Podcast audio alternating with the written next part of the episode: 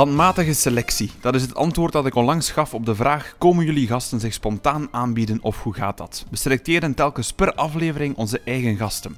Een mooie wisselwerking tussen Steven en mezelf. Zo konden we na 42 episodes heel wat jong en ervaren geweld verwelkomen. Dat doet ons heel veel plezier. Van heinden en verre komen ze naar Kortrijk afgezakt, goed voorbereid, minder voorbereid of zelfs niet voorbereid. Chillpants of kostuumbroek, alles kan, alles mag. Dit is Tweespraak. Welkom. Bas Birker werd geboren in de buurt van het Nederlandse Tilburg. Hij startte in 2000 met comedy en verhuisde tien jaar later naar Antwerpen. Op weg was zijn eerste zaalshow, daarna volgde sowieso Je Moeder, 40, 40, 40 en Belg. Bas was ook vaste gast in de Weekwatches op Radio 2 en is te horen bij Lieven van den Houten op Radio 1. Meteen ernaast, want code geel laat dat toe, vinden we Matthias Brouwijs, de oprichter van Win Winner. Met een passie voor start-ups en groeiende KMO's probeert hij zijn persoonlijk en professioneel netwerk met elkaar in contact te brengen. Hij was te zien in het programma Jonge Wolven en had een eigen talkshow op Kanaal Z. Welkom heren. Van harte welkom in onze studio. Uh, we nemen welkom deze... terug, trouwens. Welkom terug, inderdaad, Bas. Je... nee, nee, ik bedoelde welkom aan jullie ook. Ah, oké, dank u, dank u, dank u. We nemen deze podcast op op uh, een zonnige donderdagavond 10 maart. Code geel in coronaland. Hoe hard hebben jullie daar naar uitgekeken, Bas? Ah ja, ik een miljoen miljard, want ik sta natuurlijk voor publiek. Ja. Dus gewoon gisteren in de trucendoos in Harelbeke zijn met... Uh, met mensen die gewoon weer op elkaar zitten en chips uit hetzelfde bakje fretten en stopjes van het knop, of knopjes van het stoplicht aflikken, dat, is, dat was wel echt wel gekomen. Ja. Voor onze sector was het natuurlijk duid, dodelijk, duidelijk, duidelijk dodelijk. Uh, anderhalve meter, dus uh, ja. heel blij ben ik. Ja. Speel je dan anders met extra speelplezier of is dat dezelfde intensiteit? Oh ja, ja, ja, ja, ja. Dat, dat, dat, je speelt met speelplezier. en, dat, en met die anderhalve meter show speelde je uh, zonder speelplezier. Dan ging, je naar, dan ging je naar je werk. Dan was het, ja, dit moet maar even. En met die mondkapjes, ja, dat, ja, als je gewoon op een podium staat en je kunt de mensen hun gezicht niet zien mhm. en je hoort ze minder lachen en ze zitten ook nog op anderhalve meter, dat is, dat is echt, dat is... Nee, onwerkbaar. Ja, toen ze dat tegen ons zeiden, dat, dat dat ging gebeuren, toen heb ik echt op het punt gestaan om Alexander de Croo uh, te bedreigen. ik heb het niet gedaan, hè. Ik heb het niet gedaan. Zo ben ik. Matthias Code Geel, is dat een grote verandering in jouw leven geweest? Nee, niet, niet super groot, maar het is inderdaad wel leuk dat je niet meer achter je personeel moet gaan roepen van hey, als je naar de wc gaat, doe je mondkapje aan of, uh, of kom gewoon een keer naar het kantoor uh, als het een keer past. Of, uh, vandaag is er iedereen bij ons, dus, ja. dus dat is de grootste verandering denk ik, dat het, dat het normale bedrijfsleven ook weer zijn gang gaat. Was dat een, een directe impact op de, de mood van de werknemers als ze moesten van thuis uitwerken, of viel dat nog mee? Maar we zitten met een heel jong publiek, dus dat ging allemaal vrij vlotjes. En ik denk wel dat de, de alomgekende corona-apero's en dergelijke wel goed ingeburgerd waren. Maar uh, je ja. merkt wel dat, zeker als je met een jong publiek werkt, dat, dat ze graag terug naar kantoor komen om dan misschien ook een keer uit te gaan, wat dan ook weer mag. Ja, ja, ja het is dat. Is dat. Er is zo'n treurigheid en niet op dat kantoor. Ja, ik investeer dan in, in, in, grote kantoren. Wij hadden er in, in corona hadden we er drie geopend.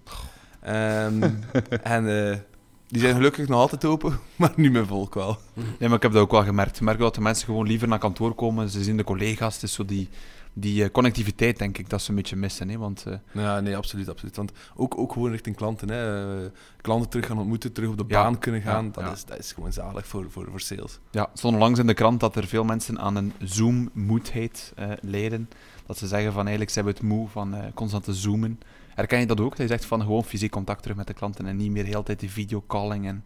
Nou, alhoewel dat, dat bij ons wel nog... Uh, we merken dat we de videocall, dat gaat er sowieso niet uitgaan. Mm -hmm. maar, maar inderdaad, ja, die, die interne teammeetings, die ja. dan uh, tot eigenlijk niet slijden na, na een half uur op mekaars kop zitten kijken mm. eigenlijk. Uh, nee, die moeten er echt uit en, en, en dat moet je gewoon niet online doen. Dat ja. is niet productief. Ja. Bas, er waren zelfs comedians die online shows gaven. Heb jij dat ook gedaan? Ik was niet een van die mensen, nee. Nee. Nee, nee. En ook met echt caps lock, nee. Maar ook vergaderingen niet. En meetings en brainstorms niet gewoon. Als het online moest, dan zei ik, dan ga ik het niet doen. En uh, ik ben er heel principieel in geweest. Ik vind het verschrikkelijk. Ik vind het ook heel verschrikkelijk om zo te praten met mensen achter een beeldscherm. Mm. Dus ik denk dat ik uh, in de afgelopen twee jaar drie keer een Zoom-meeting heb gehad. Daar, en daar, daar, ja, dat was het. En wel een paar keer illegaal afgesproken. Omdat, ja, maar, maar brainstorm... Nu, nu mag je dat zeggen. Ja, nee, ja Ja, ja. nou ja, ik weet niet. Ik weet niet of de mensen van DPG Media luisteren, maar op een gegeven moment hebben wij illegaal in de oude VTM Nieuwsstudio's zitten brainstormen. ja, een, een comedy brainstormen of iets bedenken werkt niet zonder dat je die vibe voelt. Daar gaat, je kunt praktische afspraken en zo maken. Ja, op een gegeven moment hadden we een, nieuw, eh, een nieuwe back-office in het boekingssysteem van de artiesten. Eh, van het management. En dan moesten ze even uitleggen. Ja, dat kan nou echt wel. Dat snap ik. Dat kost een uur online. Dat is niet te doen met tien Nee, comedians. Maar goed. Maar, maar creatief bezig zijn. Nee, je maakt sowieso al niks als je thuis zit. En als ik dan ook nog via een scherm met mensen moet babbelen. Nee, sorry. Webcams zijn voor... eh, Mhm. Nee. En is de hele corona ook een inspiratiebron geweest voor jouw show? nee, helemaal niet. Helemaal. Nee, ik denk voor niemand. Ja, Ja. of je moet er een hele show over maken. Zoals Xander, Xander, de- ja, Xander heeft het gedaan. En heel goed. Eh, Jan Jaap heeft het min of meer gedaan. En heel goed. Maar dan was het hele thema was die corona. Ja. eh, en de situatie rond corona. Maar toen wij weer mochten gaan spelen, de eerste keer dat wij in een tuin speelden, ik, ik was eh, met Steven Mailleu, eh, West-Vlaamse comedian, vier, vier vijf dagen in de, aan de zee gaan zitten om onze shows echt te herschrijven naar de situatie van nu. En ik liep het podium op en ik begon over te vertellen en ik merkte alleen maar dat iedereen dacht, we willen het hier niet over hebben. Mhm. Dus nee, helemaal niet. Juist niet. Niks corona. Blah. Jullie hebben eh, tien vragen gekregen van onze podcast vandaag. Hebben jullie die voorbereid, Matthias? Heb je de vragen gelezen? Ik heb, ze wel, ik heb ze wel gelezen, maar ik vond ze wel nog vrij complex. Dus Ja. in de auto heb ik eens een keer nagedacht van wat gaan we hier vandaag eh, verkondigen. Ja, ja. Bas, je hebt een paar keer de kans gehad al, maar heb je... Ja, ik, ja, jullie weten gewoon dat ik wat ik ga zeggen nu. Ja, nee, ik heb daar. Ja. Ik, ik, heb, ik heb die gezien in de mailbox. Ja. Dat, ik, heb, ik heb ze zien binnenkomen. Binnenkomen. Maar Ja. dat, pas op, dat hoeft niet. We hebben mensen, nee, Steven, die ze heel goed voorbereiden, die ze niet voorbereiden. En spontaniteit is nog altijd eh, de mooiste gave. Dus eh, het is geen enkel probleem. We gaan wel beginnen met de eerste vraag. Niet de eerste in de rij, maar wel een eerste die ik er eh, zelf uitpik. Ik ga beginnen bij jou, Bas. Dat verdien je wel, de eerste vraag. Ehm, Maar de luisteraars weten ook helemaal niet waarom dit is. Nee, nee, nee. Maar ze mogen wel weten dat Bas hier eigenlijk al voor de tweede keer is. Ja. En heel blij is dat hij hier vandaag bij ons aan tafel zit. De vorige keer mocht ik alleen maar luisteren en kijken of het iets voor me was. voilà, voilà. Goed, de vraag voor jou, eh, beste Bas. Wat is de beste manier voor jou om met stress om te gaan? Als dat dan al zou zijn. Dus, maar voornamelijk de bijvraag, hoe onthaast je? Hoe kom je op een bepaalde manier tot rust? Nou ja, niet. Ik denk dat dat misschien wel het grootste probleem is in mijn leven, dat ik dat niet kan. Niet tot rust komen? Ja, nee, nooit. Nee. Ik kan geen manier vinden om te ontspannen. Ben je nooit al- gekund ook. Altijd onder stress dan? Nee, nee, nee, ik ben niet onder stress. Maar zoals mensen gewoon echt een dag in de zetel kunnen hangen. Of ja, ik heb dat nu moeten leren. Hè. Dus ehm, eh, voor de mensen die mij totaal niet kennen of die mij nog nooit hebben gezien. Ik heb nog wel gesukkeld met mijn rug het afgelopen jaar. En eh, dus ik moet nu verplicht rusten. Als ik s'avonds een show wil doen of dit wil doen, dan Mhm. moet ik de hele dag eigenlijk niks doen. En daar is een totale kortsluiting in mijn hoofd. Want ik ben gewend om van links naar rechts en van hot naar her te racen. Ehm, corona heeft me wel geleerd om daar iets meer te doen, omdat er gewoon natuurlijk geen zak te doen was. Ja. Dus ik kan, wel, ik kan me wel van maken met een, eh, met een dagje koken of met eh, een beetje Mhm. taart te bakken. Mhm. Dat is ontspannend. Maar rust vinden, dat eh, is niet... Is dat niet net stressvol dan, als je beseft van jezelf dat je niet makkelijk rust vindt? Ik weet niet of dat stressvol is. Ehm, Misschien maar werken kan ook een... Werken is ook... een- Kan ook ik heb natuurlijk geen werkwerk, hè. Ik ga, naar een, ik ga op mijn dode gemak in de auto zitten... Naar Oudenaarde. naar, naar Oudenaarde of naar de trucendoos in Stalzenhaan. of morgen naar Poeselen. Wisten jullie waar het lag? Ik wist het nog niet eens. Ik, ik, ik, ik ga er morgen achter komen. En daar ga ik naartoe. En daar zijn mensen die het naar hun zin willen hebben. En ik ga daar doen waar ik het meest van hou. En die mensen hebben een leuke avond. Dus er is nooit een sprake van stress. Dus die situatie hoeft er eigenlijk nooit te zijn. Dus je zou kunnen zeggen dat alles ontspanning is. Ja. En dus dat er helemaal geen stress is. Dus dat ik ook niet hoef te ontspannen. Maar ben je dan iemand als je eh, thuis bent bijvoorbeeld die een keer een goed boek eh, bij jou neemt? Of een, of een, of een film weinig. of gaat wandelen? Films, dat- de films en tv kijken en series echt sowieso niet. Ik, het enige wat ik van Netflix weet is hoe ik het af moet zetten. Ja. Ehm, ik heb daar nog nooit eens op gezien. Boeken te weinig. Ehm, nee, ik ben een nieuwsjunk. Dus ik lees de hele dag nieuws en achtergronden. En Ja. luister de hele dag radio en Oké. schrijf grapjes op Ja. Twitter.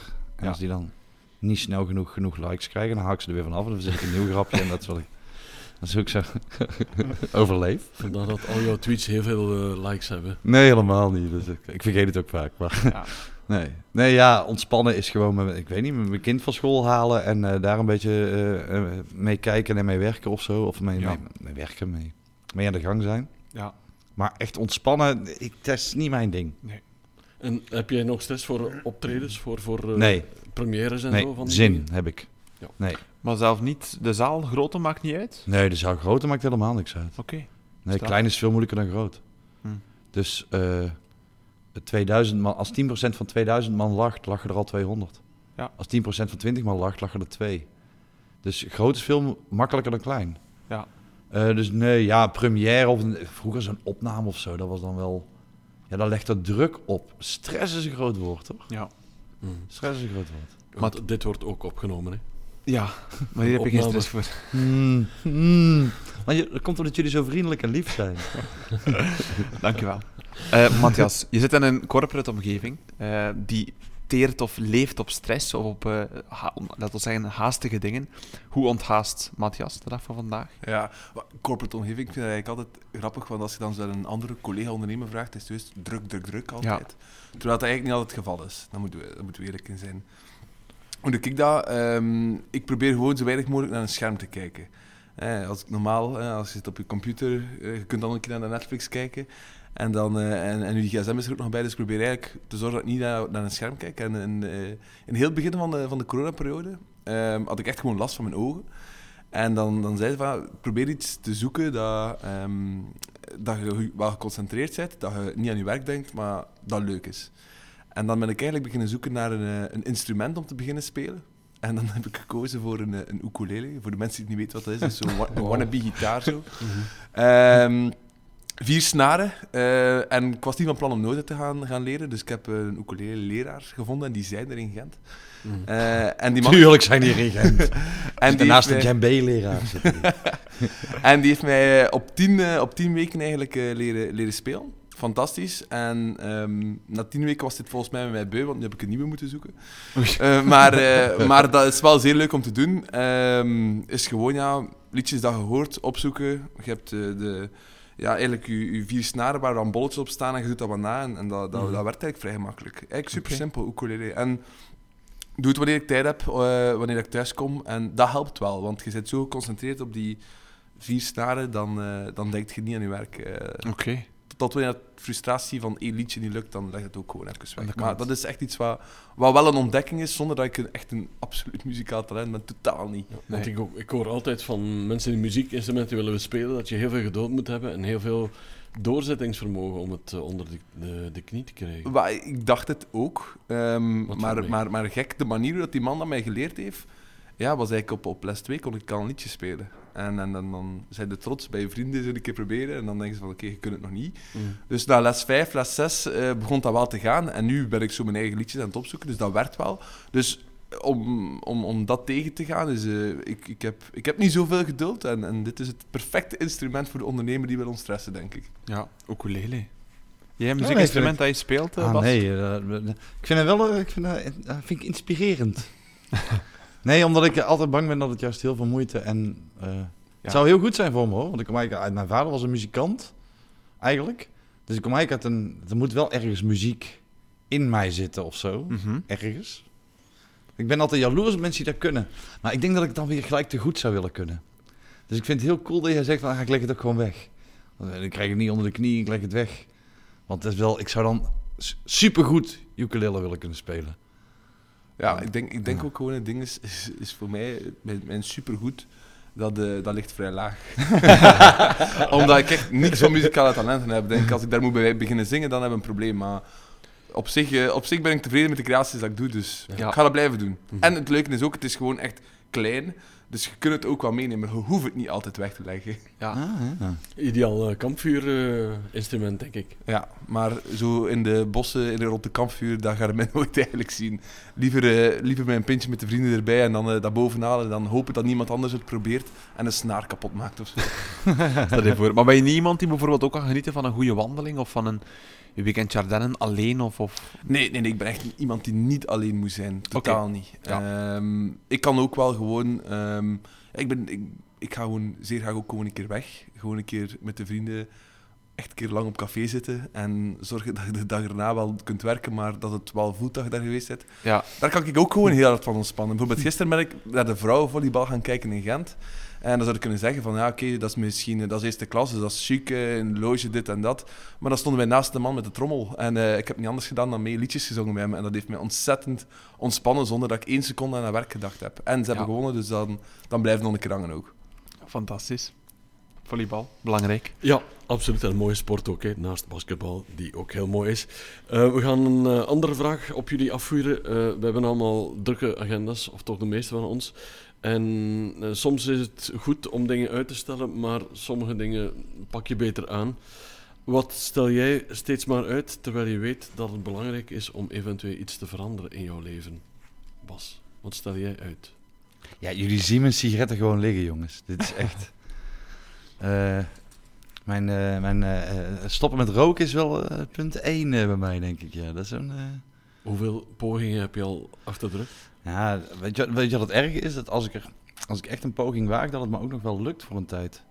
Dus ik weet ook dat me dan, dan een paar dagen heel chagrijnig ga zijn. Maar dan, ja, voor mijn doen chagrijnig. Dat is nog niet echt heel chagrijnig, maar... Ja, dus dat is wel een... ja, dat en bijvoorbeeld ook eh, gewoon ehm, nadenken over, eh, over hoe om te gaan met drinken bijvoorbeeld. Eh, daar, had corona echt een grote invloed op natuurlijk, omdat je gewoon... Ik dronk nooit thuis, ik had nooit bier in huis.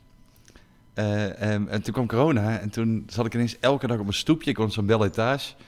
En daar is de zon 's middags. En ik heb allemaal leuke buren in een leuke straat. En dan zat ik daar elke... Op een gegeven moment gewoon elke dag bier aan drinken. Dus daar heb ik wel weer... Daar heb ik dan misschien degelijker aangepakt nu.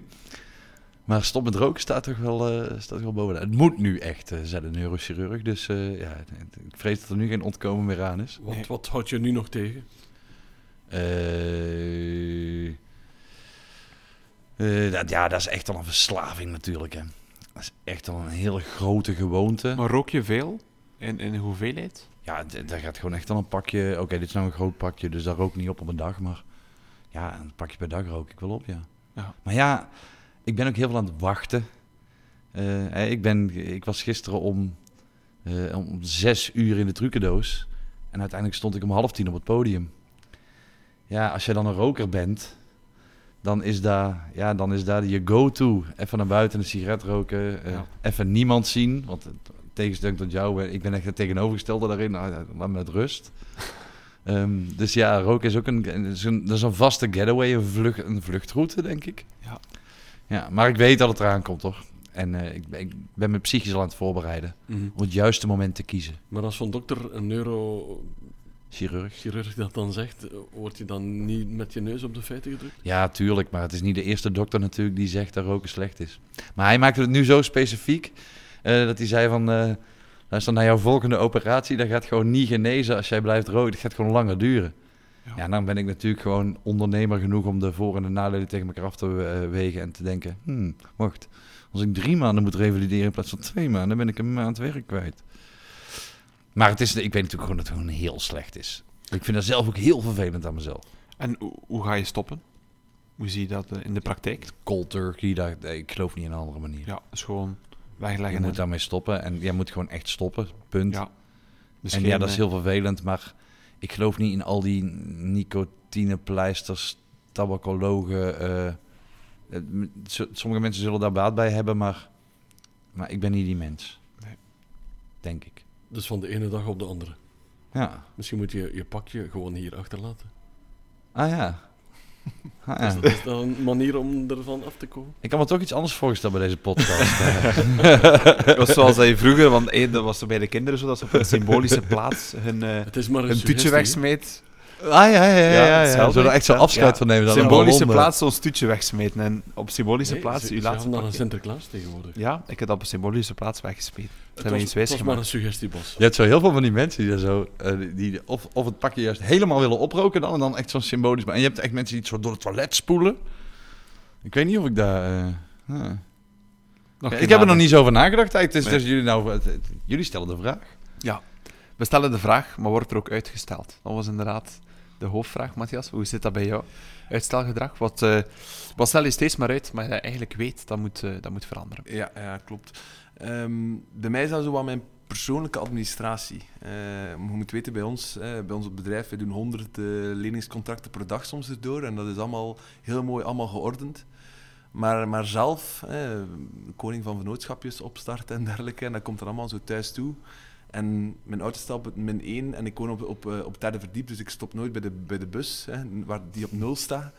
En als je dan dat open doet en dan zie je al die brieven komen, dan, dan krijg je er echt geen goesting van. Ik heb, eigenlijk- ik heb er echt een probleem mee. En onlangs, en we waren net bezig over de stijgende de gas- en elektriciteitsprijzen. Ik ben zo de man die zijn eh, metertellers vergeet door te geven. En dan zo'n afrekening krijgt en even moet eh, terugkoppelen van oké, bon, dat is veel.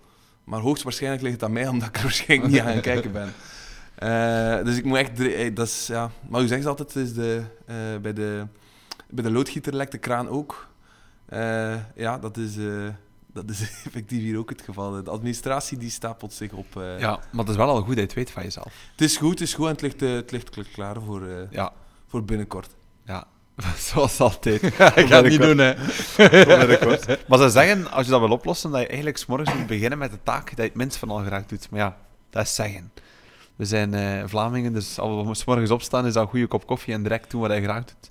Ja, en het ding is, wat- pas op, ehm, ik ben heel... ik- vroeger was ik ja, min of meer sportief, maar ehm, nu ben ik sinds kort echt zo om 7 uur s ochtends beginnen sporten. Ja. Zo echt eh, personal training, dat kost dan allemaal veel geld, maar dat is wel effectief, want je zorgt wel dat je uit je bed zit.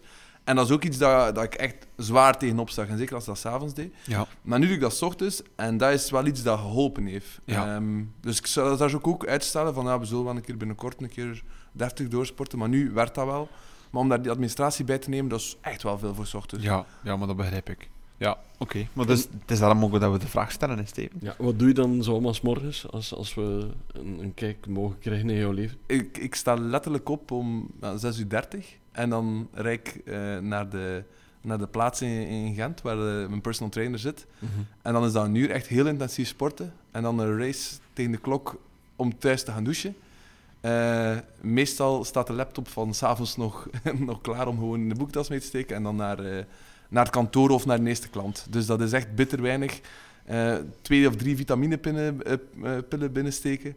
En voor de rest is dat eigenlijk vrij beperkt. Ik Ja. ben echt... dat moet zo, zo snel gaan. Dat mag, ik, Ja. ik, ik kan persoonlijk niet s ochtends de krant open doen en mijn gemakje. Mhm. Dat, dat, dat doe ik nooit. En heb je dat nodig, die, die red race van 's morgens vroeg al?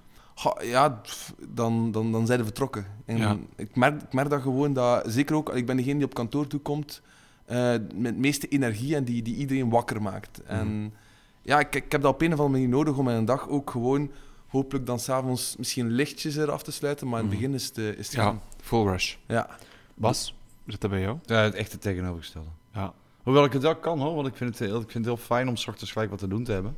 Ben je een vroege vogel, s morgens? Nee, maar ik heb ook geen ochtendhumeur of zo. Nee, oké.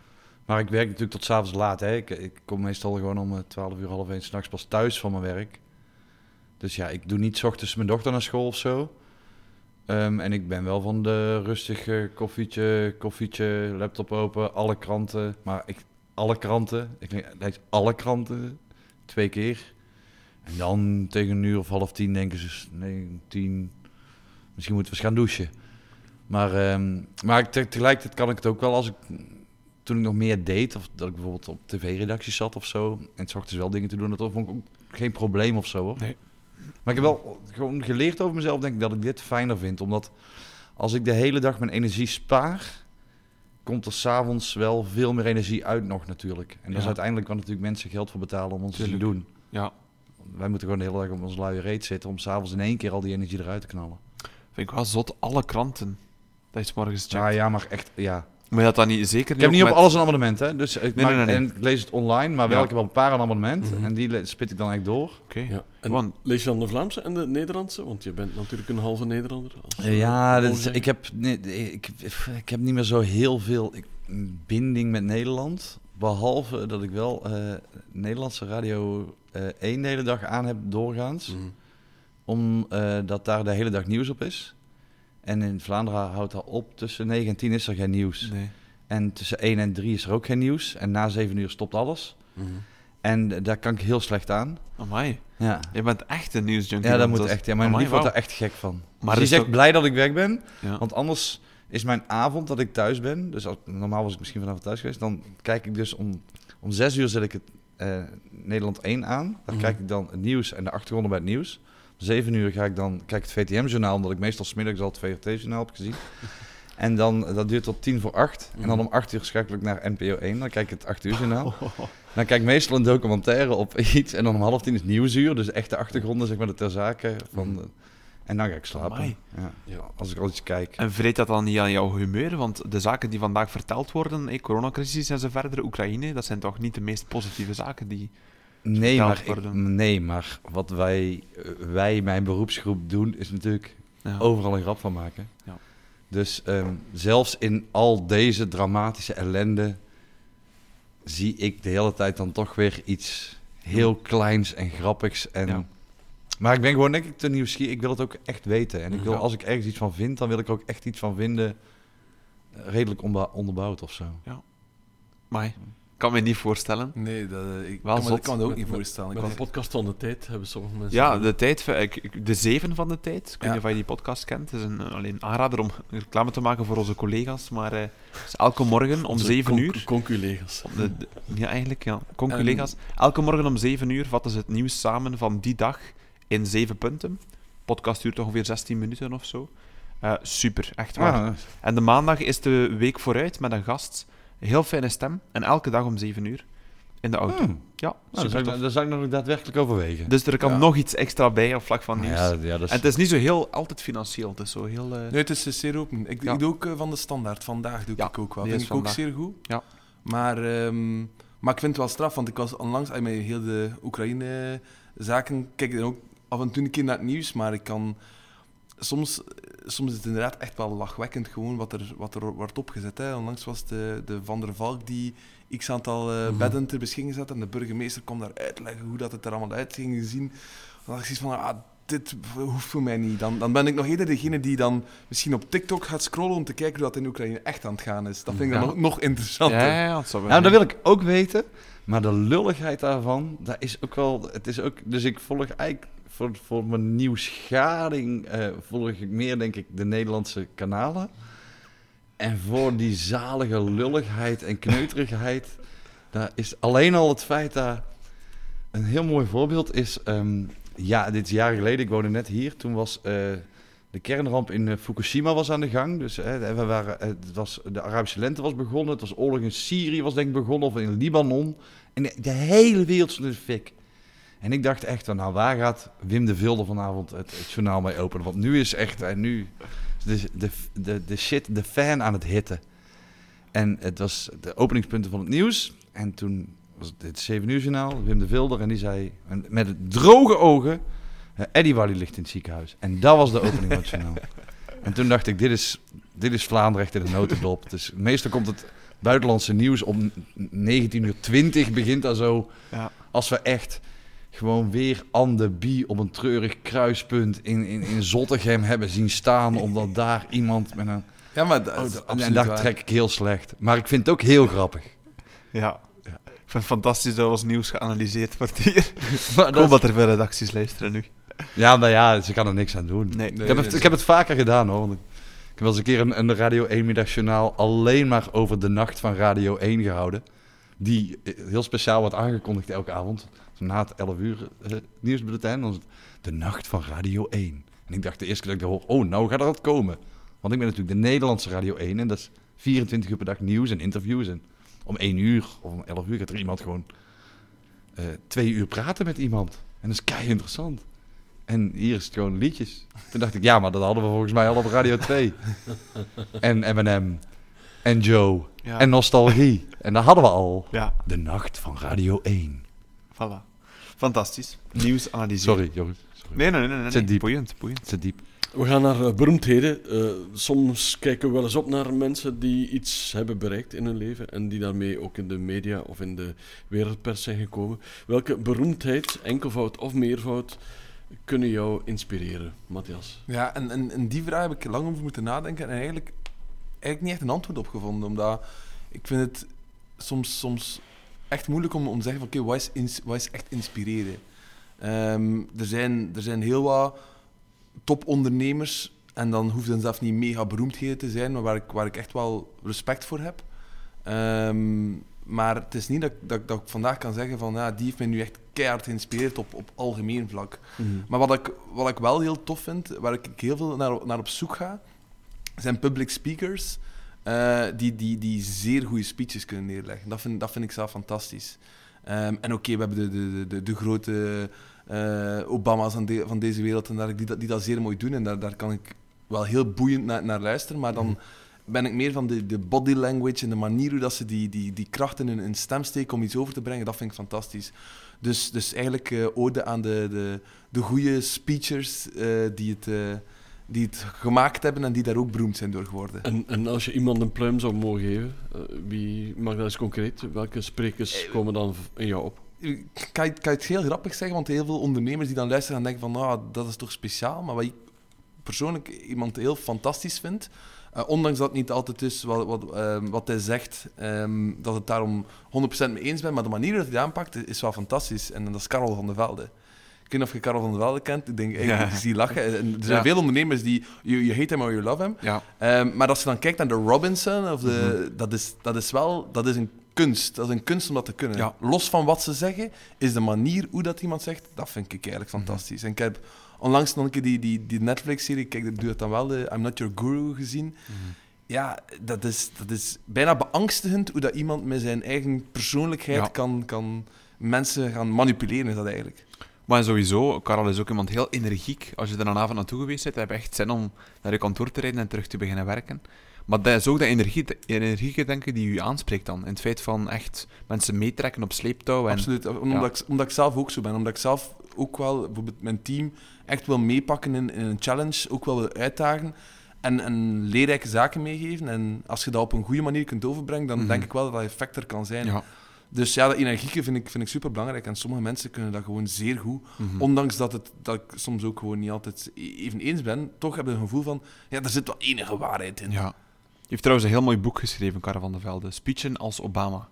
Heb ik gelezen. Dat is een heel mooi samengevat. Hoe dat je... Want dat Van waren grootmeesters twee, de twee namen die jij genoemd had, hè? Voilà. Obama en Karel Ja. van der Velde. Voilà, Dus bij alles deze. komt samen. Jullie moeten dus wel workshops met mij komen volgen, jongens. Dat kunnen we wel leren. Ja, het zou wel zijn. zijn veel van die mensen getraind. Mochten we ooit een workshop krijgen van Obama, stel je voor. Ja. Nee, bij mij? Ah, bij jou? Tuurlijk, jongens. Hey, ik moet ook eten. Obama die heeft geld genoeg, hè? Ja, dat is waar. Dat is waar. Wil jij nooit president worden, Bas? Nee, dat is waar. Dat is, ja. ik, heb wel veel, ik heb wel van die sprekers, eh, veel van die sprekers getraind. Oké. Dus, er weten weinig mensen dat daar ook nog een deel aan de comedy is. Maar eh, ik heb zo heel veel. Ik, heb, ik geef al heel lang workshops in ehm, via, eh, via de Café de Joker in Antwerpen. Dus ik heb heel veel mensen die nu professioneel comedian zijn, die zijn ooit in die workshops begonnen. Hè, die hebben hun eerste stappen gezet. Maar eh, ik ben vaak benaderd vanuit het bedrijfsleven om dat ook te doen. Dus ik heb, eh, ben wel eens door Atlas Copco gewoon naar eh, Bloody Saragossa gevlogen. liedje drie jaar niet meer uit mijn kop trouwens. Ehm, om zo'n zo- van, van die top engineers van hun een comedy night te laten spelen. Maar ik geef nou ook weer, ik geef komende week en de week erna voor de echt achtste keer op rij aan zo toponderzoekers op de KU Leuven ehm, een speech training over hoe ze daar nou, hoe ze goed, Amai. goede eh, wetenschapscommunicatie Oké, doen. dat wist ik niet. Ja, en er zit heel veel, eigenlijk wat jij precies wat jij zegt nu, is, dat is zo 90% daarvan. Is altijd niks, geen droge feiten, gewoon gas erop, inspireren, maak er iets leuks van. Mooi. Ja, Ja, kijk. het is leuk om te doen vooral. Een kant van Bas die we nog niet wisten. Voilà, bedankt Weet je, maar dat is eigenlijk ook weer, hè? Dus, eh, ik kom dan thuis en dan heb ik gewoon zelf superveel geleerd van die mensen. Ja. Dus eigenlijk heb ik gewoon de hele wetenschap... Ik weet, ben er helemaal bij over al het onderzoeken naar van kanker tot ruimteafval. En dan denk ik, oké, ik ben weer bij voor een jaar. Mag ik volgend jaar nog een keer eh, lesgeven? Voilà. Ja, Ook weer dat nieuws die terugkomt. dat is toch wel altijd Ja. nieuws, hè? Voilà, voilà. Ja, we gaan terug naar de basisvraag. Zijn er ook beroemdheden die Bas Birker kunnen inspireren op een of andere manier? Alleen een omgekeerde, eh, met een omgekeerde werking. Dus ik kan me... eh, ik hoorde toen straks Dries van Langenhoven op de radio. En eh, die was aan het speechen in de kamer. En ik heb... maar echt elke vezel in mijn lijf haat die mens. Maar echt alles. En het gaat niet eens om zijn denkbeelden. Gewoon, ik moet hem maar zien en ik word al misselijk. Ik vind het verschrikkelijke gast. Maar je zou dus op een rare manier wel kunnen zeggen dat hij mij inspireert om niet zo'n ontzettende racistische droeftoeter te zijn. En om niet zo'n vervelende klootzak te zijn. dus ik denk dat ik vaker geïnspireerd ben door mensen die echt, het, echt mijn bloed laten koken. Dat ik denk, oh, zo wil ik nooit worden. Ik ga een beter mens zijn dan dat. Dan andersom, omdat ja, ook in mijn vakgebied, ja, echte helden, dat is, zo, dat is zoiets lastig. Omdat, ja, ja, internationaal misschien. Als ik zo eens, ik zou wel eens een keer starstruck kunnen zijn, misschien even. Mhm. Maar hier, ja, En het is wie- raar om wie- op te kijken naar Wim Helzen als je Wim Helzen gewoon kan bellen. Ja, ja. Dan is dat... eh, En van wie zou je starstruck zijn dan in het buitenland bijvoorbeeld of internationaal? Ja, dat vind ik een... ehm, nou, ik denk dat het eerder te maken heeft zo met mensen met echt staat. Ik moest eens een keer ooit, toen ik voor Radio 2 nog dingen deed, ehm, hadden we een item, ik weet niet eens meer waarom, maar over eh, eh, fanmail voor celebrities. Dat mensen sinds de komst van sociale media zo bereikbaar zijn geworden. En we wilden een grapje uithalen met Goedele Wachters, die was de gast. Maar Goedele Wachters, daar vind ik een... Ja, Goedele Wachters spreekt mij elke avond toe. Mhm. En daar vind ik, weet niet, was ik echt. En, en, nou, hoe dan ook, eh, omdat Goede Wachters en ik geen gemeenschappelijke vrienden op Facebook hadden toen, dit is ook acht jaar geleden, werd eh, ik gekozen om haar een eh, fanmail te sturen Mhm. via Facebook en dan kijken of ze ging reageren. En ehm, toen was ik echt zenuwachtig om een berichtje te sturen aan Goedele Wachters. Ja. En toen moest ik haar daarna ontmoeten en toen was ik echt, maar jij bent Goedele Wachters. Ja.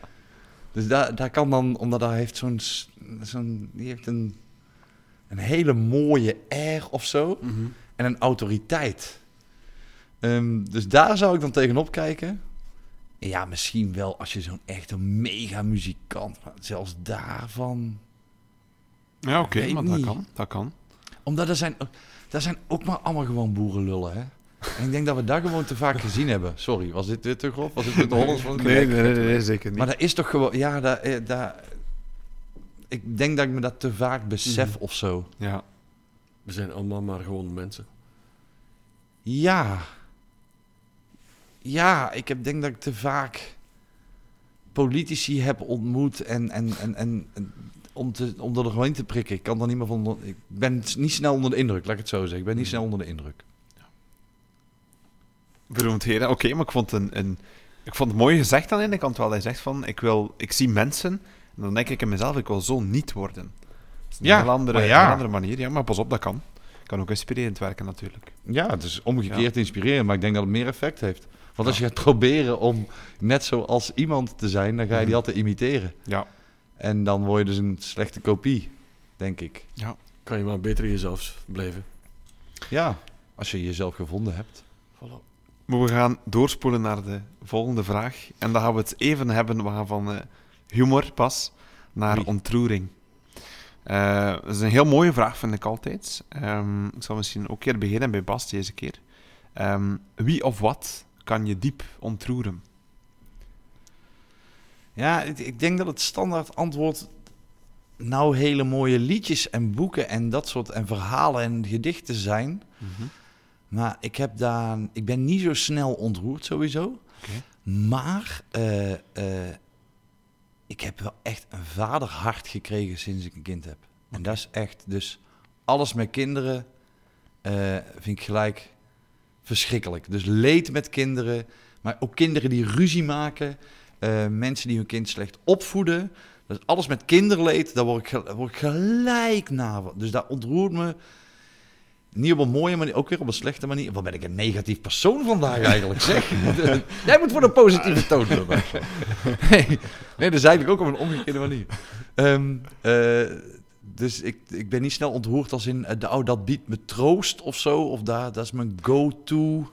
En wanneer heb je bijvoorbeeld voor de laatste keer geweend? Weet je dat nog? Of, of is dat, zit dat heel ver weg?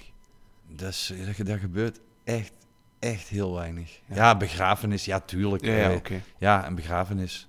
Ja, voor, ik had vorig jaar is een eh, vriendin van mij overleden aan kanker. Die heeft, ik heb die nooit zonder kanker geweten. Die heeft heel lang zo de odds gebied, om het op zo'n mooi Engels te zeggen. Dus die had al echt, die had heel lang al dood moeten zijn. Maar die is vrij jong en ik ken die heel goed en ook een jong zoontje. En dat, is allemaal, weet je, dat is allemaal heel verschrikkelijk. En zelfs daar, gingen de tranen pas biggelen toen ik echt klaar was met mijn grafreden. Die ik natuurlijk, want ik moest natuurlijk speechen, want dat is wat ik natuurlijk moet doen. En dat doe ik ook heel graag. Maar en zelfs dan was het pas, en ook maar een kort moment, denk ik. Mhm. Daarna als een soort, oh, ik ben blij dat het nou er vanaf is of zo. Ja, ja, oké. Ik ben niet zo'n jankert. Nee. Dus je gaat mij ook niet snel zien janken bij een film of zo. ehm, tenzij er kinderleed in zit, want dan, Mhm. oh, vaderhart. Dat is- ik- Ja. ja. Ja. Vroeger je, nog erger. je kan natuurlijk ontroerd worden door mooie dingen ook, want je zei het dan zelf, ja, ik stel het misschien een beetje te negatief voor. Kan bijvoorbeeld, ik zeg maar eens de zonsondergang of iets dergelijks jou ook ontroeren? Nee, dat kan me wel heel gelukkig, kan me gelukkig maken. Ja. Eh, ik ben vaak aan de, eh, aan de zee in, eh, in Nederland, want de Belgische kust ontken ik. En ehm, omdat je hem niet kan zien, want er staan allemaal gebouwen voor. Ehm, nee, dus ik ben heel veel in Zeeland en ik ben daar heel vaak alleen ook, in tegenstelling tot jou. Juist om niks aan mijn kop te hebben. En dan kan ik wel echt heel blij worden van gewoon gaan wandelen en blijven wandelen tot je heel moe bent. Een koffie drinken en weer terugwandelen. En dan denk ik, oh, zalig, niks. Mhm. Maar ontroering van een zonsondergang of een schilderij of een foto gaan. Het is altijd een situatie die me zal ontroeren. Ja. Mhm. Eh, Oké. heel, het, moet weer, het moet weer heel concreet zijn bij mij. Ja, nee, maar dat kan. Ik denk dat ik vandaag meer over mezelf aan het leren ben dan jullie over mezelf aan het leren zijn. Matthias, ben jij iemand die snel ontroerd is? Eh, dat valt eigenlijk ook vrij goed mee. ehm. maar ja, oké, er uiteraard de, de, de, standaardzaken, eh, de begrafenissen en dergelijke, of, of, of, zeer erge gebeurtenissen, absoluut. Ehm, maar toen ik die vraag las, dacht ik van oké, wanneer was de laatste keer dat ik echt, echt geweend had? En, of, of toch de krop in mijn keel had zo. En dat was toen dat ehm, een, van mijn, eh, een van mijn vernoten, die dan gekozen had om, om een ander pad te gaan bekleden. En ik moest dan ook de afscheidsspeech geven.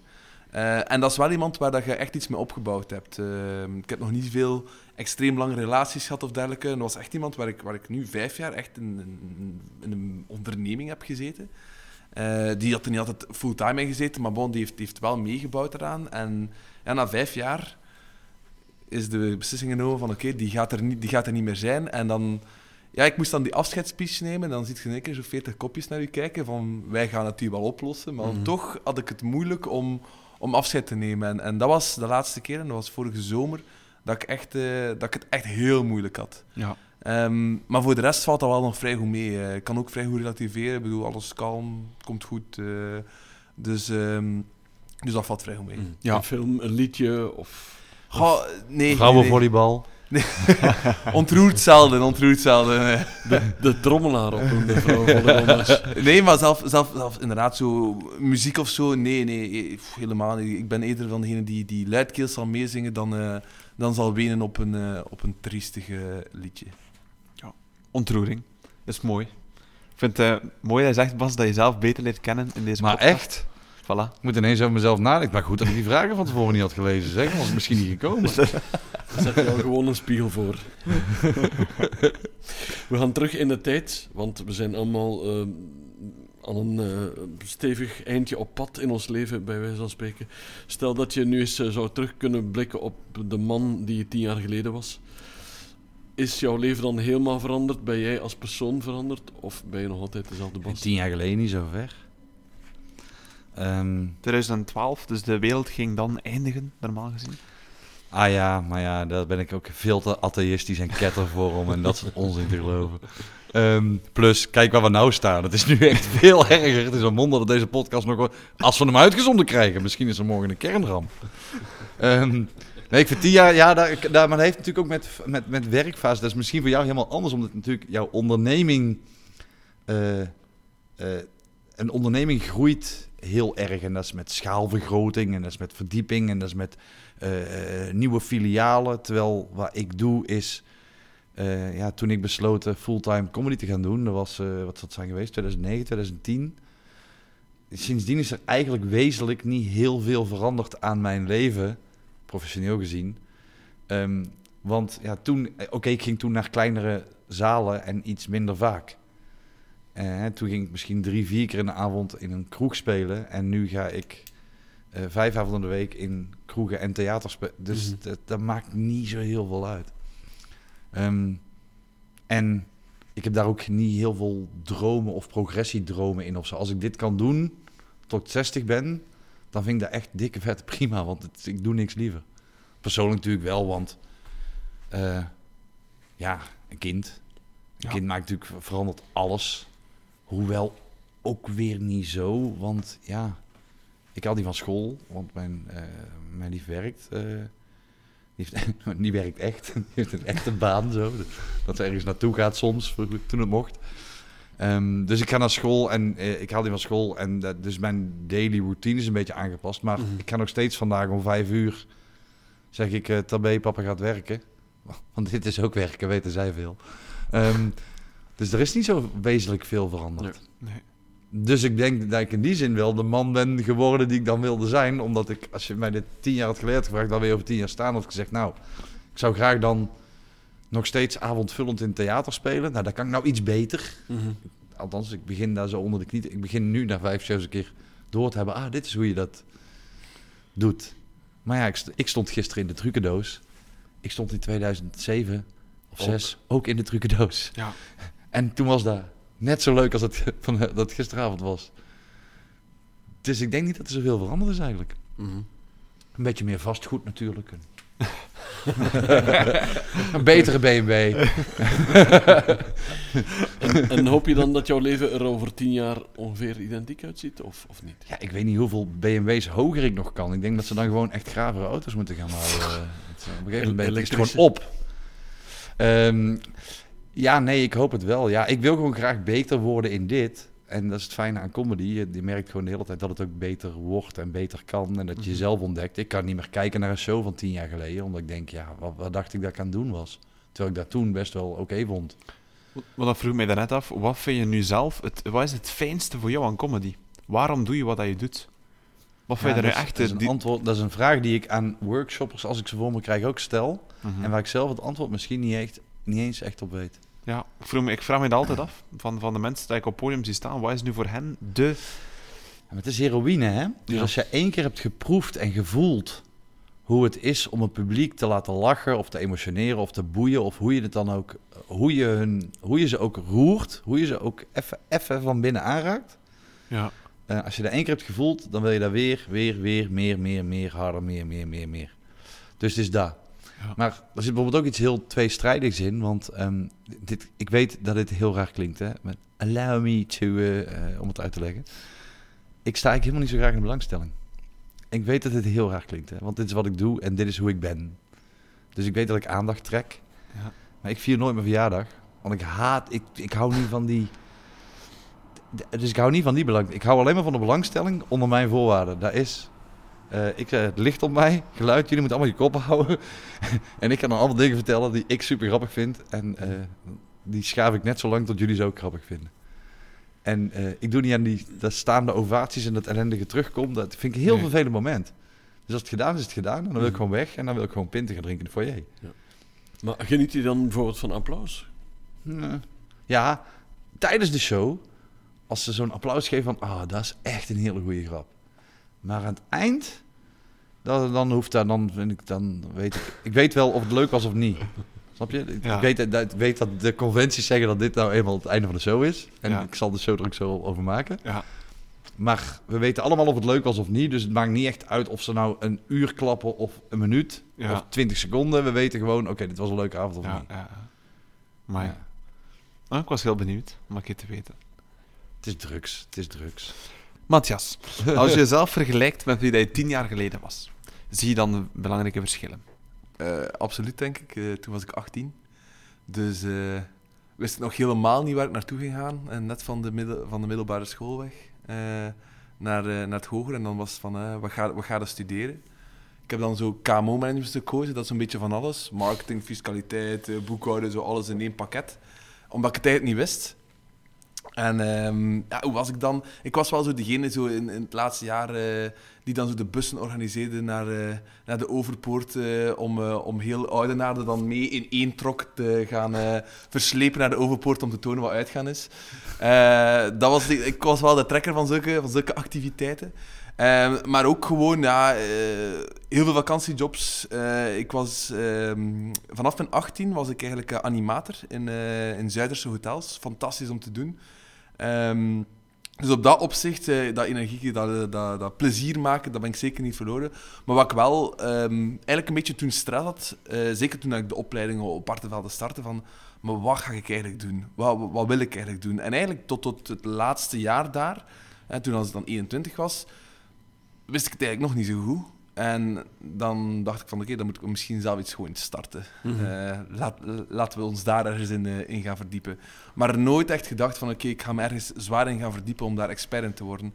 Dus ik denk wel dat ik nu veel meer weet wat ik nu echt wil, of wat, ik, wat de volgende fase van de tien jaar zal zijn, dan dat ik dat toen eh, wist. Ja, want eigenlijk, Windminder is een, een, een, laten we zeggen, een, geen afkooksel, want het komt door een bachelorproef. Ja. Eh, ja, dus eigenlijk... eh, Dat was, eh, dat was een onderzoek dat ik toen gedaan had in Nederland over financiering ophalen. En daar zijn ze veel slimmer dan ons. En ik heb dat eigenlijk gewoon gekopieerd. Ik kan dat eigenlijk gewoon eigenlijk bruut zeggen. Ik heb dat gekopieerd vanuit Nederland. Want in België bestond dat niet. Eh, we hebben daar een- Gidsland, jongens. Gidsland. Noteer dit. maar dat is echt waar, dat is echt waar. Dat kan ik ook uh, we hebben, zeker. daar, we hebben daar dan een Vlaams sausje over, over gelegd. En, en, en dat begon wel op een, op een of andere manier te werken. Mensen kwamen dan, eh, goed idee, goed idee, je moet dat doen. En dan dat eerste jaar dat ik dat dan effectief aan het doen was. Toen zeiden mijn ouders van, je moet wel nog iets bijstuderen, want ah, je gaat niet nu al zelfstandig worden. Dan heb ik dan toch iets specifiek gekozen, marketing, maar ik heb het zoals gedacht nooit afgemaakt. Ehm, dus ja, op die manier, ja, dat was echt een beetje zoeken en mij gewoon gesmeten. En dat is ook een beetje de, de, de kracht eigenlijk van het niet weten en dan gewoon iets algemeen doen, op een project smijten, van alles moeten doen. En, en dat heeft ervoor gezorgd, afgelopen jaar, dat ik, dat ik nu echt al weet van oké, het ondernemerschap of, of iets vastpakken en daar allemaal van kleine brandjes gaan blussen in één geheel, dat vind ik eigenlijk het leukste van al. Terwijl dat ik absoluut nooit zo'n een soort van, van vakidioot zou willen. Nooit. Jij lijkt mij ook iemand die risico's durft te nemen in jouw vak. Klopt dat een beetje? Ja, dat is wel. eh, we zijn zo, ja.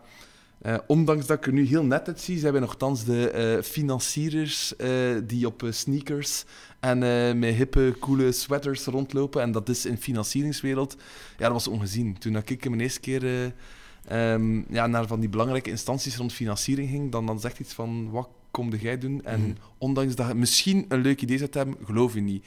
En ja, dan zijn we direct beginnen personeel aannemen, kantoren beginnen open doen. Eh, ja, op ook een financiële markt gesurfd waar ik niks van wist.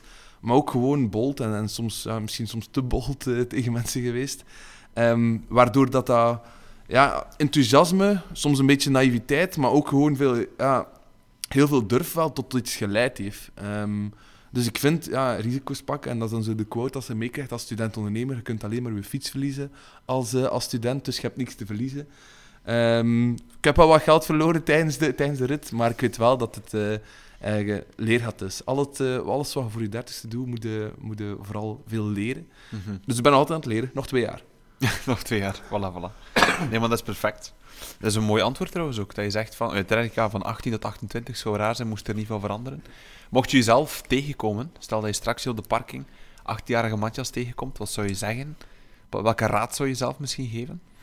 Maar ik denk, eh, soms niet te eigenwijs zijn. Ehm, ik was in het begin, hè, doordat me heel veel mensen zeggen van, je hebt een goed idee en, eh, en eh, wow, fantastisch, op je, dat was toen een 20 jaar, ja, ondernemerschap, wow. En dan mocht ik voor, voor klassen ook van, van 200, 300 man gaan spreken over wat ondernemerschap was, terwijl ik zelf, oh god, eh, een paar maanden bezig was. Ehm, en toen, op een bepaald moment, zeker in het begin, dacht ik echt van, oké, ik weet het hier en ik ga het hier doen.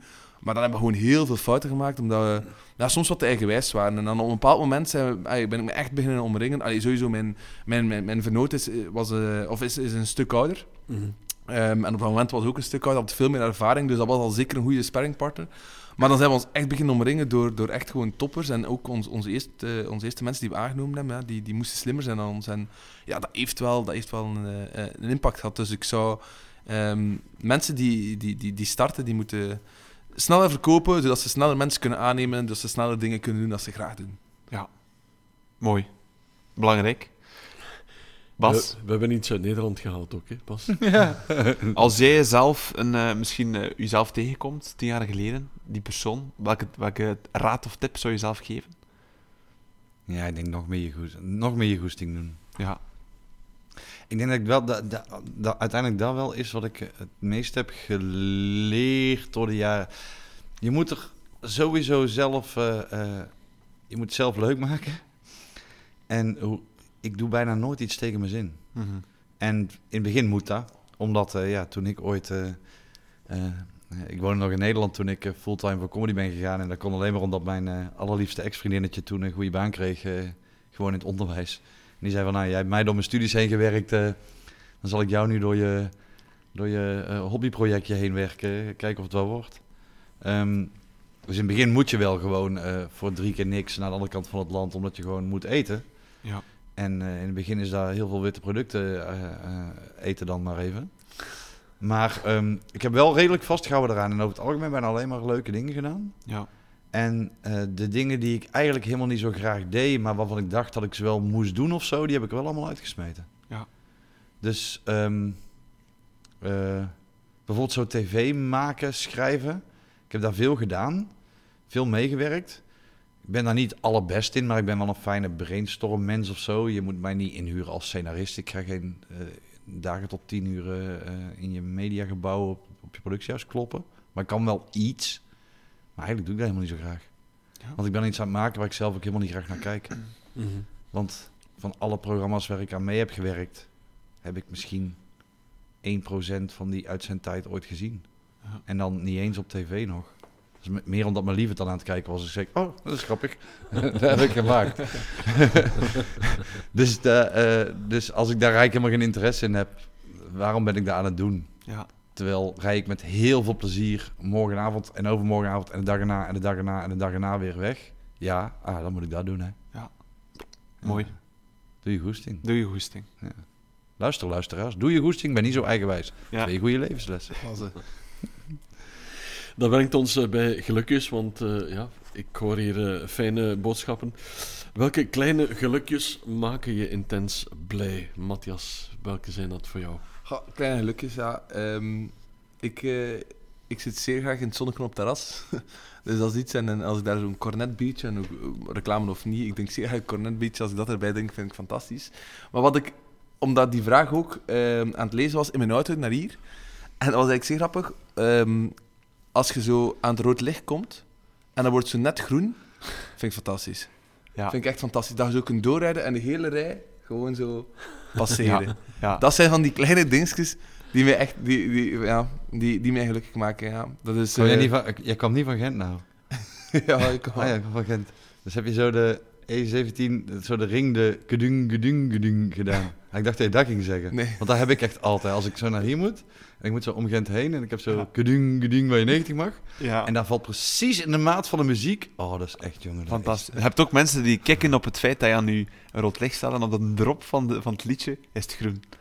Ah, Dat snap is ook ik. zo'n Ah, golden moment. gevoeld zelf. eh. Nee, nee, nee. Ik heb Dat dat één morgen. keer meegemaakt. Ja, moet dat een keer proberen. Moet dat echt een keer doen. Hoe heet dat? De golden? The golden moment of the golden, eh, the golden drop. Een golden drop is iets Dat anders. is iets anders. Maar het was inderdaad het is dat, dat te maken met verkeerslicht. Dus, eh, maar dat gebeurt. Er zijn mensen, er zijn een groep van op Facebook trouwens. Ja? Mensen die dat posten. Ah. Die de perfecte liedjes uitzoeken en die dat dan matchen met de, de route die je volgt. Oh. Echt waar. Geen. Oh. Ja, bestaat. Dat is geen klein geluk, maar dat is groot geluk als het op Groot geluk. Maar vandaar misschien Golden Drop. En zeker als daar al een Facebookgroep van Ja, bestaat. dan moet het serieus zijn. dan moet het echt eh, wel de eh, moeite zijn. Maar dus, eh, en maak je daar veel tijd voor, Matthias? Eh, in het zonnetje zitten, ja, nu, nu natuurlijk iets beter, maar ben je een persoon die kan zeggen van, "Pff, nu even druk een dag, maar nu kom lunchje buiten, op Ja, ab- absoluut. absoluut. Ja. Ik, heb ook, ik heb ook een tijdje geleden bijvoorbeeld een, een kajak gekocht. Eh, veel te groot om, eh, om te verslepen van de decathlon naar mijn thuis op dat moment. Maar daar kan ik er inderdaad van genieten. En, en onlangs hadden we... ehm wij doen dat af en toe met onze, met onze collega's. En we zeggen, maar kijk, we kruipen op de kajak en we gaan gewoon een meeting houden op het water. Vind ik fantastisch. Of gewoon op terras gewoon even iets overleggen. In het zonneke, dat is echt... Dat voelt niet als werken. Dus ik vind dat in, in die grijze, grote kantoren zitten en daar vastzitten, dat is echt... Ja, ik ben ook iemand, ik kan ook niet lang mieten. Dus dat moet kort en, en, en, en, bondig zijn. En als je dat dan kunt combineren met, eh, met, iets, met iets leuks, en dat is voor Mhm. mij ja, de zon op mijn gezicht, eh, dat is fantastisch. Ja, want we zijn 10 maart, dat hebben we vermeld in de inleiding. De zon scheen vandaag. Heb je ervan genoten? Heb je zo'n momentje gehad? Wel, dat is het moment als je dan elektrisch rijdt en je moet dan eh, van Antwerpen naar, naar hier komen, naar, naar Kortrijk. Dan moet je stoppen en lokeren om op te laden. Dus dat betekent 40 minuten genieten in het zonnetje. Voilà, kijk, fantastisch. Opladen. Bas, Ja, ik rijd niet elektrisch, hè, jongens, dus ik heb gewoon door kunnen rijden. Ja. een uurtje. Maar wel aan 100 euro per uur dan. Ah ja, maar ja. Kleine gelukjes, wat is dat voor jou, Bas? Eh, ik sta bij, het- al- naast het, eh, de, de zonnetjes en de... Want ik denk, dat- ja, dat is ook... eh, alles wat eh, eh, perfect gesneden is. Dat is echt... Niet armen en zo, jongens. niet, niet de zelfmutilation. Maar ik nee, eh, dus mijn lief, die ik ook niet. Of ja, die, eh, nou moest ze, toen ik met mijn rug zat, moest ze wel. En, eh, maar in, de, ja, in alle andere jaren heeft ze drie keer voor mij gekookt. eh, twee keer wok, één keer mislukt. Ehm, ja, ik wou dat het een grapje was. Ehm, maar eh, dus ik moet daar, ik, doe dat. Ehm, maar ik, eh, eh, ik doe dat ook echt heel graag. Ik kan me echt heel gelukkig mee maken. En dan, eh, ik denk, ik ben nou in mijn eh, Duvel 666 fase, die Duvel Light. Omdat, eh, ja, die, die, die, kun je gewoon nog een keer drie drinken eh, voor het eten, zeg maar. En dan dat pintje en dan gewoon mijn keukentje. En dan de snijplank. En, en die kant snijden. En dan met militaire precisie. En als dat zo echt, als dan alles zo gesneden is en alles is ook zo echt even groot. Oh, dat is echt, daar kan ik, kan ik naar kijken gewoon. Vind ik het zonde om eraan te beginnen. Als je zo'n heel paprika stoplicht hebt opgesneden. En het zijn echt allemaal gelijke blokjes. Oh, dat is echt... Zo'n mise en place die zo helemaal klaar staat om te gaan koken. Echt een feest vind ik dat. Amai. Echt van genieten. Je hebt de vragen niet voorbereid en dat voelt me zoals echt en hij zegt van, amai. Je bent de allereerste gast die, die zoiets vermeldt. Ja. Ja? Die zoiets specifiek en abstract vermeldt wel. Ah ja, dat vind ik juist heel logisch. Ja, oké. Ik vind een klein gelukje dat er juist iets heel tastbaar moet zijn. Net zoals dat bloody stoplicht. Dat vind ik echt... Amai. Maar er- we zijn bezig over video's. Er zijn ook video's van mensen die zo dingen in twee snijden, die perfect in Oh, twee dat is snijden. echt zalig. Ja. ook echt naar, daar ben ik zo precies autistisch genoeg voor. Ja. Maar zo perfectie sowieso is natuurlijk iets... Ja, toen het zo lockdown werd... Net voor de lockdown had ik bedacht... Ik moet het, had ik zo eens van die eh, taartenprogramma's eh, eh, mijn, mijn, zo op, de- op de televisie gezien. Mhm. Zo, mijn lief die zept dan wel eens zo langs dagtelevisie. En ik lag er dan heel hard uit. En dan zie ik, maar dan zie ik wel cake masters en mensen dingen bakken. En toen dacht ik, oh, dat moet ik ook kunnen. En ehm, dus toen had ik, had ik voor mezelf zo'n KitchenAid gekocht. Dat was mijn tractatie aan mij de afgelopen drie jaar. Zo'n KitchenAid ding gekocht. En toen dacht ik, nou, nou, nou ga ik taarten bakken. Dat kan ik vast. Dus dan ben ik daarmee begonnen. En ja, ik blijk dus fijne motoriek te hebben. Oké. Ik vermoedde al ooit, omdat ik ook met Play-Doh kan spelen. En, en toen werd dat dus, toen kwam corona en toen ben ik daar echt gaan, ja, toen ben ik taarten gaan, maar echt crazy, echt als in van die fondant dingen met echt tekenfilmfiguren en torens en, en, maar als dat dus niet perfect is, dus ik heb dat helemaal gemaakt en dat is niet perfect, dan word ik er dus ook echt wel strontchagrijnig van. Dus dan, dus ik kan genieten van die perfectie, als dat echt goed is. Maar als dat niet precies de goede kleur is van Harry Potter, voor mijn Harry Potter taart, dan, dan heb ik toch een slecht uur. Ja. Tot de kleur wel goed is. En, dus er staat ook tegenover dat het ook een groot, kleine geluk, tegenover mijn kleine ongelukje staat dan ook, kan ook groot ongeluk staan. Amai. De laatste keer dan, wat, wat- wat- ik weet ineens wat me de laatste keer heeft doen wenen. Ik denk dat het toen die taart niet lukte. Maar we leren veel kanten van Bas kennen vanavond ook. maar die taarten, dat is een ding, ja. Het, het is ook een trekje dat je misschien niet zo snel laat zien aan anderen. En dat brengt ons eigenlijk naadloos Mooi. bij de laatste vraag van de reeks. Niet de laatste vraag van vanavond, beste luisteraar. De vraag is, welke trekjes laat je niet zo snel aan anderen zien, omdat je misschien zeker schaamte hebt daarover? Ehm, het is... Wat, ik vooral eh, veel heb, is, ehm, is piekeren. Ehm, ik kan soms echt wel heel lang piekeren over zaken. Je kunt zeggen van, eh, je neemt veel risico's en, en je veel. Maar ik kan soms heel hard piekeren. En, en vaak ook als ik in de auto zit, dan begin ik na te denken, na te denken, na te denken. En, en hoe dat je dat dan niet laat zien, is direct even die klik maken en, en dat masker soms opzetten. Dat, dat, dat is er.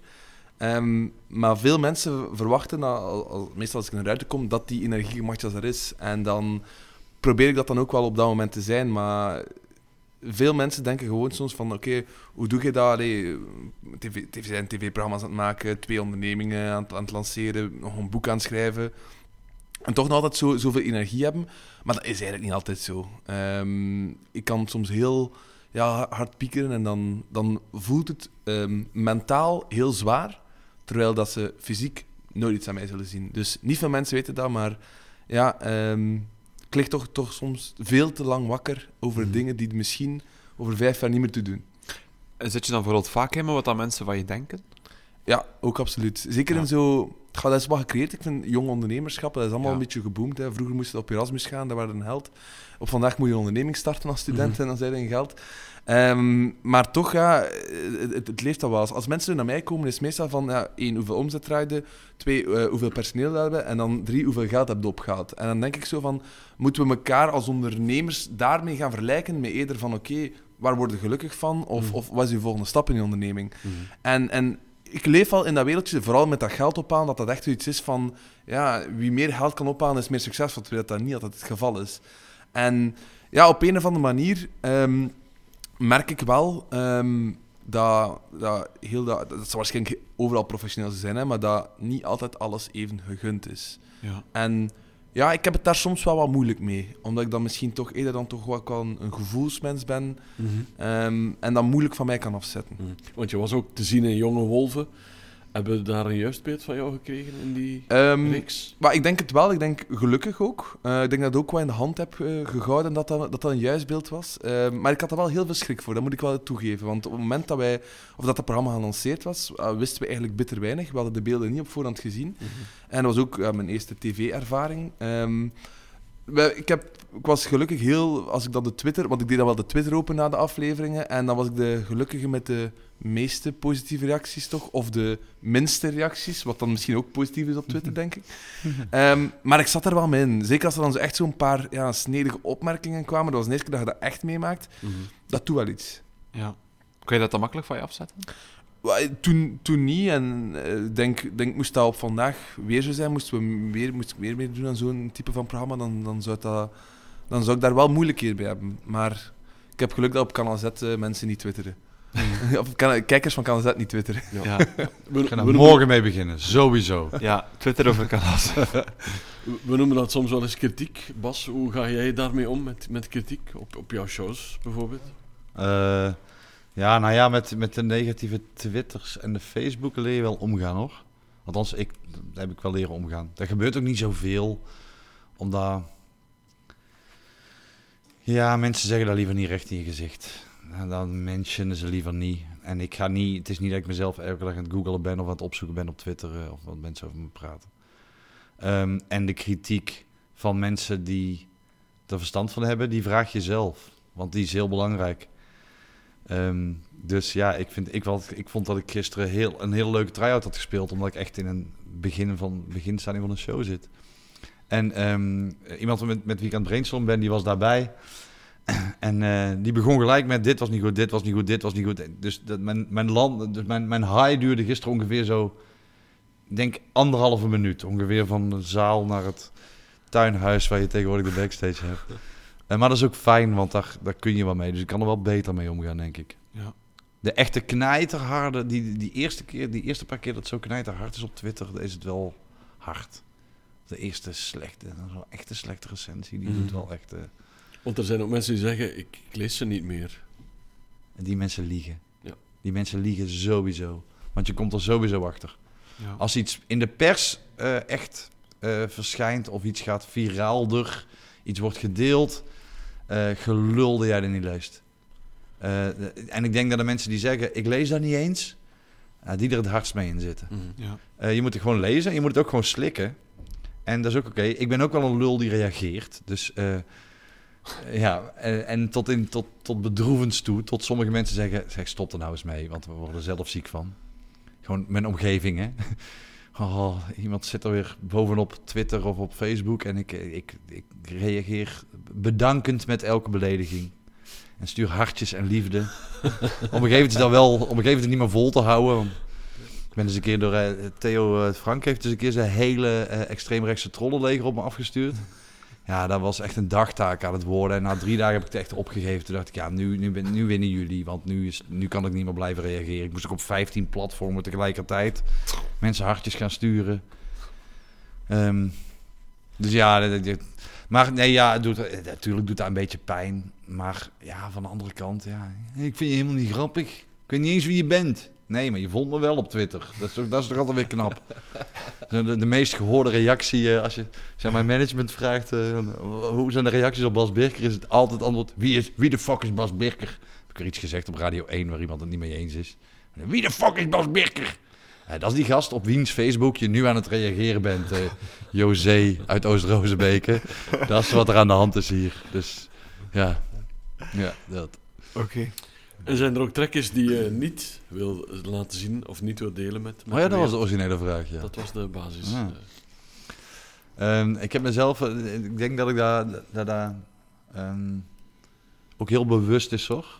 En mijn, mijn trekje wat mensen, wat ik probeer wat minder te doen, is eh, iets minder bedweterig en eh, mensen corrigerend te zijn. En dat is, eh, vind ik heel moeilijk. Ehm, maar ik ben natuurlijk, kijk, ik heb mijn nationaliteit al niet mee. Dus er wordt van mij verwacht in dit land dat ik direct ben. En dat gebruik ik ook heel graag in mijn vooroordeel. Hè, als ik in een zaal kom en het is niet in orde, dan zullen mijn drie Vlaamse collega's die bij mij zijn, die gaan zeggen: ah ja, het zal dan lastige spelen zijn. en, die, en er wordt nooit iets veranderd. En ik kom binnen en ik zeg: ja, dit gaan we zo niet doen. En ik begin tafels te verslepen. En dan kunnen ze boos worden, maar anders gaan we het gewoon niet doen. En dat is fijn, want dan ben ik ben maar die, ja, van, van de Hollander verwachten ze dat hij dat gaat doen. Mhm. Maar ik doe het natuurlijk wel vaker. En dat is, ik heb mij dat moeten afleveren, afleren omdat mijn hersens gewoon iets anders of sneller werken dan, ehm, dan die van de meeste mensen. En eh, ik ben mij daar terdege van bewust. En daarom trap ik wel eens op de rem. Maar ik, heb wel, ik moet wel vaak mijn tong afbijten. En, En ik, ik vlieg ook vaak uit de slof wel. Mhm. En trap je dan ook op tenen? Je trapt op de rem, maar ook Ik op trap wel op tenen, maar dat, als ik op tenen trap is het meestal heel bewust. Dan is dat echt een doelgerichte, eh, noem het even, aanval. Ehm, hè, mijn, eh, de reden waarom eh Frank zijn trollenleger op me afstuurde... was omdat ik gewoon eh, heel rechtstreeks, eh, eh, zonder hem te benoemen... maar iedereen wist over wie het ging... eh, eh, eh, de burgemeester van, eh, eh, zijn, eh Lubbeek... Eh, eh, ehm, eh, het vuur aan de schenen legde. Dus nee, dat was een heel gerichte aanval. Ja. Maar, ehm, dus dan trap ik wel eens op tenen, maar dat is de bedoeling. Maar eh, ja, ik hoor bijvoorbeeld heel vaak onzin. En tegenwoordig laat ik de onzin maar gewoon vaak voor wat het is. Maar ja, ik kan ook wel eens bij de Bomma zitten. En die heeft dan weer iets op de televisie gezien. En die weet weer precies hoe het zit. Hè, want eh, de, corona begon en eh, alles ging dicht. En in, Gent zaten al 80% van de mensen zaten al aan het leefloon. Had, want dat was op televisie geweest gisteren. Nee, ja, dat is helemaal niet waar. Mhm. En dan word ik pissig, omdat ik gewoon weet, ja, dan ga ik het opzoeken en dan ga ik het uitleggen. Ja, dan wordt me niet altijd in dank afgenomen. En ik probeer dat wat minder te doen. Maar ik doe Ja. dat in het dagelijks leven ook. En ik doe dat ook in de winkel. En ik doe dat, en dus ik doe dat nou minder. Ja. Ik doe nou, ik zal nou niet snel tegen Kelly aan de kassa bij de Delhaize die een Monster Energy en een roze koek voor de kleine staat af te rekenen en een sinaasappel, want ik ben wel een goede moeder. Zal ik niet meer zeggen, nou, je bent goed bezig Kelly. nou, daar anders ik even drie bikjes cola bij. Ik zal dat niet meer, niet meer te vaak doen. doen. Oké. We zijn wel aangekomen aan de laatste vraag van de podcast. Je moet een klein beetje de tijd in de gaten houden. Maar we gaan die kort en bondig beantwoorden, want ik ben gewoon heel benieuwd naar het antwoord. Matthias, op welke vraag wil je heel graag eens een antwoord krijgen? Gaat Poetin in een droppen of niet? Echt waar. Oké, gaat Poetin in een droppen of niet? Wat denk je zelf? Ik denk het niet. Laten we hopen van niet, toch? Denk ik. Dan laten, we, laten we hopen van niet. Maar als hij het wel doet, denk ik dat we er maar heel kort iets van meemaken. Dus. We hebben toch deze podcast gehad dan. Ah ja, dat is toch prachtig. Ik zou hem wel gelijk streamen en eh, gelijk de ether inzwieren via de bekende podcastplatformen. Ja. Oké, maar dus eh, zou je wel willen weten. Het eh, houdt me wel bezig. Dus Ja. eh, als Ja. ik op vandaag een vraag zou willen eh, beantwoord zien, laat het maar deze zijn. Bas, je bent een nieuwsjunkie, dus je hebt eh, denk ik de voorbije dagen of weken er niet kunnen omheen fietsen om eh, de, de crisis daar in Oekraïne. Is dat een vraag die je ook hebt, of heb je nog nog een andere? Ah ja, ik heb die vraag, die vraag houdt me wel bezig. Ja, ik ben heel benieuwd naar... Het is, die man is zo onvoorspelbaar, dat er komen elke dag vragen bij. Ja. En dus eh, wat dat betreft zijn het voor de nieuwsjunk wel interessante tijden. Omdat het ook gewoon elke keer is, wordt worden alle experts nou wel een keer ingehaald. Maar los daarvan denk ik is het ook gewoon een heel enge situatie. Dat we niet goed weten wat dat er... eh, Super scary, het is super dichtbij. Hè? Het is helemaal Ja. niet zo ver. mhm. Als Twee- het, eh, 2000 kilometer. nou ja, Ja. maar ja, ik bedoel, er zijn mensen constant op en neer aan het rijden met hulpgoederen. 2000 kilometer. Ja, jij reed er vandaag al, wat was het, 320 kilometer vandaag? Ja, voilà, voilà. Maar ja, ik rij regelmatig even naar Groningen voor een show. En dat is gewoon, nou heb ik al 700 kilometer gereden op een dag. Heb ik een show gespeeld ook. Ja. Als ik die tijd nog had gereden, dan ben ik al, eh, dan zit ik al goed in Polen hoor. Ja. Dus het, het is niet zo ver. Nee. En Poetin is zot. En wij zijn, wij zijn niet van het heel snel reageren en terug actie ondernemen. Nee, dus, dus vandaar moet- moeten we het nu weten. Hè. ja. Ja, dus, dus als Poetin- jullie dit even willen Poetin, uitzoeken, als je luistert, let beste Vlad, luistert. luister. Ehm, Bas, heb jij een bepaalde vraag dat je heel graag een keer een antwoord op wilt? Nou, ik, de- ik denk dat mijn vraag, en ik denk dat dat ook gewoon mijn, mijn elf jaar hier samen, waarom moet het toch altijd zo moeilijk hier? Dat, dat, dat, dat is.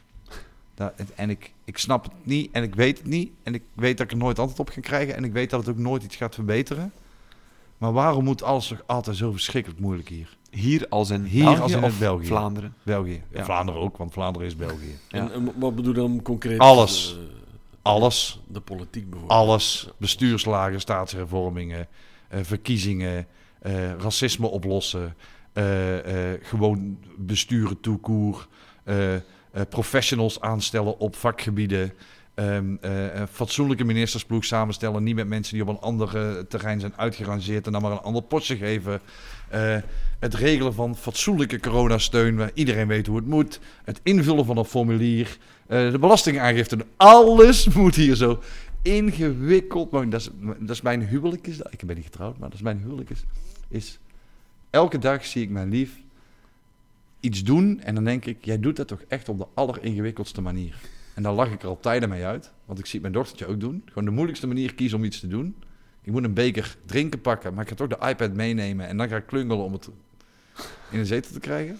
Maar ik denk dat het gewoon genetisch, dat het besmettelijk is of zo, dat het in het land zit. Is Nederland dan zoveel beter? Nee, nee, nee, nee, nee, want ik vind Nederland ook verschrikkelijk. hè. Ik woon veel liever hier.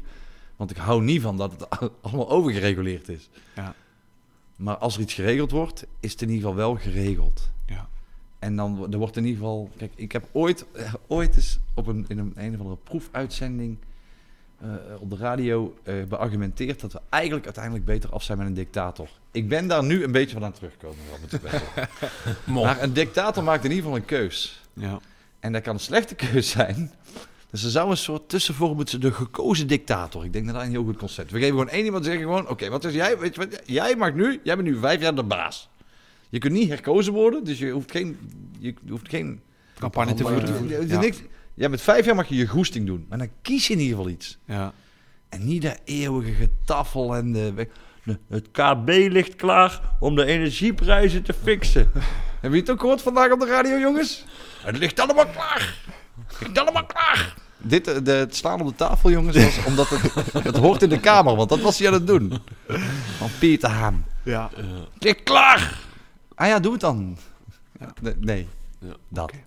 Veel ergernis, maar gelukkig heb je nog kleine gelukjes ook. hè. Dat heb je dan ook vermeld. Ik zat ooit eens in een interview met Jan-Jaap van der Wal en we hadden tegelijkertijd een nieuwe show klaar. En die ging allebei natuurlijk over ons leven in Vlaanderen. En toen kwamen we tot de conclusie dat Jan-Jaap de lelijkheid vond in al het moois wat hier is. En ik vind de schoonheid in al het lelijks wat hier is. en ik Voilà. denk dat je daar al mee gezegd hebt. ja. Ik mooi. irriteer me kapot. En ik hou er zoveel van. Fantastisch. Pieter Jan, ik weet dat je gezegd hebt dat de, de laatste vraag eraan kwam, maar ik sta erop om de allerlaatste vraag ook Dan nog mag te je dat doen. Steven. Ik ga dat nooit heel weigeren. kort, want het is een eh, leuke vraag om mee te eindigen, denk ik. En veel mensen zitten daar ook een beetje op te wachten, want het zegt ook iets over jezelf. Met welk liedje, met welk boek, welke film heb je zelf een persoonlijke band of een herkenbare band? Matthias. Ehm, Lenny Kravitz, Stand. Ehm, ik weet niet of je het kent of niet, ehm, maar toen dat ik nou, eigenlijk ook 18 jaar was, had ik het eh, geniale idee om, ehm, om naar Santiago de Compostela te stappen. Ik heb daar heel lang voor getraind. Ehm, alles was geregeld. Ik ging het niet vanuit, eh vanuit Oudenaarde doen, maar ik ging, al een beetje... Een, Snap eh, ik, heb je eerst heel die weg. van je, maar Mag je maar 90? Maar ik, eh, ik ging een kleine voorsprong nemen, maar ik heb er keihard voor getraind. Ehm, en op het moment dat ik, eh, eigenlijk twee dagen dat ik wou, wou vertrekken, eh, ging mijn uh, Achillespees eraan. Oei. Eh, dus dat was heel pittig. Ehm, ja, echt, echt eh, dan ook heel veel traantjes gevloeid. Ehm, en dat liedje heeft mij er toen doorgeholpen. Ehm, het was toen net uit. Ehm, ik heb toen ook de kans gehad om Lenny Kravitz twee keer te ontmoeten via een maat van mij. Wauw. Ehm, en los van zijn, het liedje, is het gewoon een persoonlijk... eh, Heb ik gewoon met die man, daar kijk ik ook ontzettend veel naar op. Het is niet dat hij mij zwaar inspireert, maar ik vind, die zijn, ik vind dat zo'n grave gast. En, Mhm. en als, als ik hem stand hoor, hoor, hoor- hoor zingen, dat is het gaat over terug opstaan en doorgaan. Ja, daar krijg ik zelf goesting van. Mhm. Dus, dus zeker een keer eh Oké. luisteren. Ja, En ook een heel leuke beat. En ik, ik, ik ben er misschien wel van overtuigd dat de, de eh, E17 ehm, eh, Ja, bobbels denk je? Er bobbels? misschien wel zo wat op kunnen passen. Oh man, ik ga Ja. zo ontzettend downloaden zo meteen. Gewoon speciaal daarvoor. Voor de kedung. Ja, en dat wordt nog lastig, want dan moet ik weer remmen om te kijken of ik in het metrum kan komen. En dan, oh, ik, ik- gevaar op de weg ben ik zo meteen. Maar via Zal dat terugkeren, je hebt hem nog een keer. Hè? Ah ja, tuurlijk. En als het lukt, zet het op Facebook. Als er mensen luisteren in de groep. Popje, ik ben wat later thuis vanavond. En hoe komt het? Ik heb... eh, Dat was 18 papa! Stand aan het luisteren op de E17. Ja. Bas. Heb je ook een band met een film, een liedje of een boek? Een Eventueel? films totaal niet, want ik, eh, ik, ik kan het geweld niet opbrengen om, eh om er naar te kijken. Ik heb het uiteindelijk nog nooit gezien. Ehm, boeken niet per se, vroeger veel gelezen, nu te weinig. Ik denk dat, ik, ik ben wel, ehm, ik ben eh, geen ontzettende muziekluisteraar. Maar als ik iets luister is het altijd Counting Crows. Ja. Fantastisch. dus dat zet ik echt op. Ehm, eh, en daar maakt me eigenlijk niet uit wat het van is. Want eh, zoals heel veel mensen een hele grote hekel hebben aan zijn stem. En ik snap dat. eh, hou ik echt van die stem. Het maakt eigenlijk niet uit wat hij zingt. Ik vind het altijd prachtig. De man heet Ja. Adam Duritz. Jurits heet hij, ja. En v- zot ook. Een totale eh, bipolaire vrouwenzot eh, die de helft van de tijd eh, met een drugsverslaving in de, in de, in de geesteszieken, eh, de geestelijke gezondheidszorg zit. En dan weer eh, in zijn manische periodes eh eh, toert. Ja. Maar gewoon echt eh, achterlijk mooie muziek maakt. Mhm. Ehm, en eh, dus daar heb ik eigenlijk met, met... Het maakt eigenlijk niet uit wat je opzet.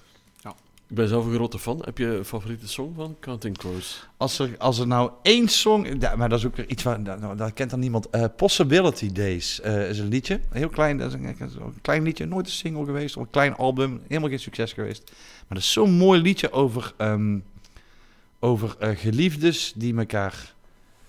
Het gaat eigenlijk over, dat, over wat er had kunnen zijn. Maar het is, het is als natuurlijk niet... Als, ja, Nou, Possibility Days. Possibility Days. La- la- la- Download een keer, jongens. Heel Ja. mooi. Heel We mooi, gaan heel liedjes uitwisselen. Ja. straks. Oké, en dan zijn we eigenlijk aan het einde gekomen van de podcast. Een beetje langer, maar dat mag, beste luisteraar, want dit is een kwaliteitspodcast. Wat vonden Sorry, jullie, maar die hoest die was echt gemeen. Die was, Op was de een echte hoest. wat vonden Die- jullie er zelf van? Die was al onderweg toen eh, Pieter Jan het zei. Voilà. Ja. Matthias, wat vond je van, de, van deze reis, van deze podcast? Vond je het een fijne eh, ervaring? eh, super fijn om jou te ontmoeten, eh, Bas. Ik denk dat, eh, dat mijn kaakspieren eh, ook getraind zijn, dus dat is, dat is, dat is super fijn. En, eh, en ja, ik denk, ey, eh, atypische vragen voor de podcast die ik standaard doe, dus eh, heel fijn. Dankjewel dat ik er mocht bij zijn. Fantastisch. Ik heb een hoop geleerd ook. Bas, je hebt het zelf leren Niet kennen alleen over mezelf, hè. Ja, dat zal Het wel is, zijn. eh, het is, eh, maar ik vind het ook leuk dat er iemand gewoon naast me zit. Naast jullie natuurlijk, want jullie zijn ook weer allemaal... met- Die, dat, wij zijn echt zo... Het is goed gecast. Wij zijn het tegenpolen op alle... Ik zou Zowel- ja. geen moment met je leven willen ruilen. maar geen moment, behalve... Je hebt geen kinderen, hè? Nee. Ik ga wel met je leven willen ruilen, want het is lekker rustig. Is het. Ik heb het gezegd, handmatige selectie. Dus we kijken echt goed om de gasten te matchen met elkaar. En nooit meer aan een comedian vragen, wat vond je er zelf van? Want dat is de allerergste nachtmerrie voor ons. Dat er iemand Ja. naar ons toe komt en die zegt... En, hoe vond je het zelf gaan? nou weet je... Iemand gaat er morgen op Facebook een slechte recensie schrijven. José uit Oostenrijk. José uit Oost-Rozenbeek gaat morgen Ja, voilà, heel voilà. boos zijn op Twitter. Nee, fantastisch. Alleszins hartelijk bedankt, heren, om naar Kortrijk af te zakken vandaag.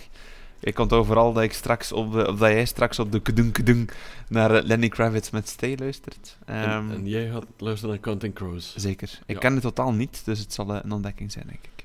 Oké. Stand, ik zei stay. Oké, alleszins hartelijk bedankt. Bas, Ja. Matthias, heel erg bedankt en eh, tot tweespraak. Yes, tot tweespraak.